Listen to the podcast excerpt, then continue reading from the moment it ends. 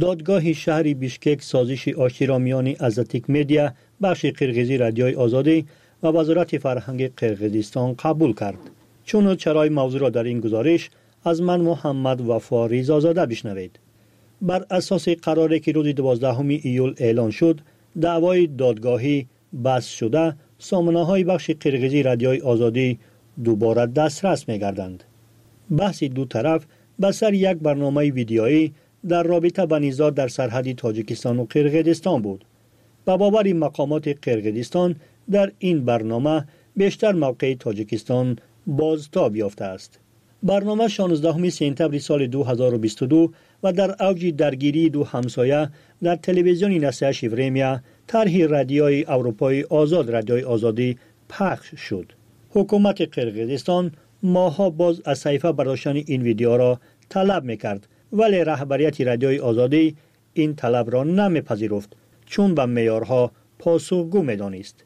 بنا به سازشی که حالا به دست آمده است این ویدیو دیگر در سامانه های رادیوی آزادی دسترس نیست. وکیل بخش قرقیزی رادیوی آزادی تیمور سلطانوف می‌گوید به سبب تغییرات در سندهای عمومی مطالب در سامانه های رادیوی اروپای آزاد رادیوی آزادی همیشگی نمیمانند. از این رو ویدیوی بحث برانگیز دیگر دسترس نیست. سالکین سرنپایوا سردار یک ریاست وزارت فرهنگ قرقیزستان گفته است سازش آشتی را امضا کردند چون ویدیوی مورد نظر از همه پایگاه های بخش قرقیزی رادیوی آزادی پاک کرده شد. قراری دادگاهی هم برآمد. ما به وزارت رشد رقمی نامه میفرستیم تا قراری بستن سامانه بخش قرقیزی رادیوی آزادی را بیکار کند افزود او. در همین حال پرزیدنت رادیوی اروپای آزاد رادیوی آزادی گفته است بخش قرقیزی منبع نیز به مخاطبانش معلومات درست خواهد رساند.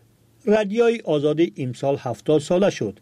در این مدت ما رویدادهای قرقیزستان و جهان را سری وقت و بغرضانه باستاب دادیم و به این کار خود ادامه خواهیم داد. افزوده از وینیر جمعتای و مدیر بخش قرقیزی رادیوی آزادی. در یک سال اخیر وضع آزادی رسانه ها در قرقیزستان مشکل ارزیابی می شود این کشور در گذشته و در مقایسه با دولت های دیگر آسیای مرکزی در مقام نسبتا بهتری بود ولی در شاخص امساله آزادی مطبوعات در قطار تاجیکستان و ازبکستان و قزاقستان جای گرفت. کشورهایی که رسانه های آزاد ندارند و خبرنگاران برای گفتن سخن حق تعقیب و بازداشت و زندانی می شوند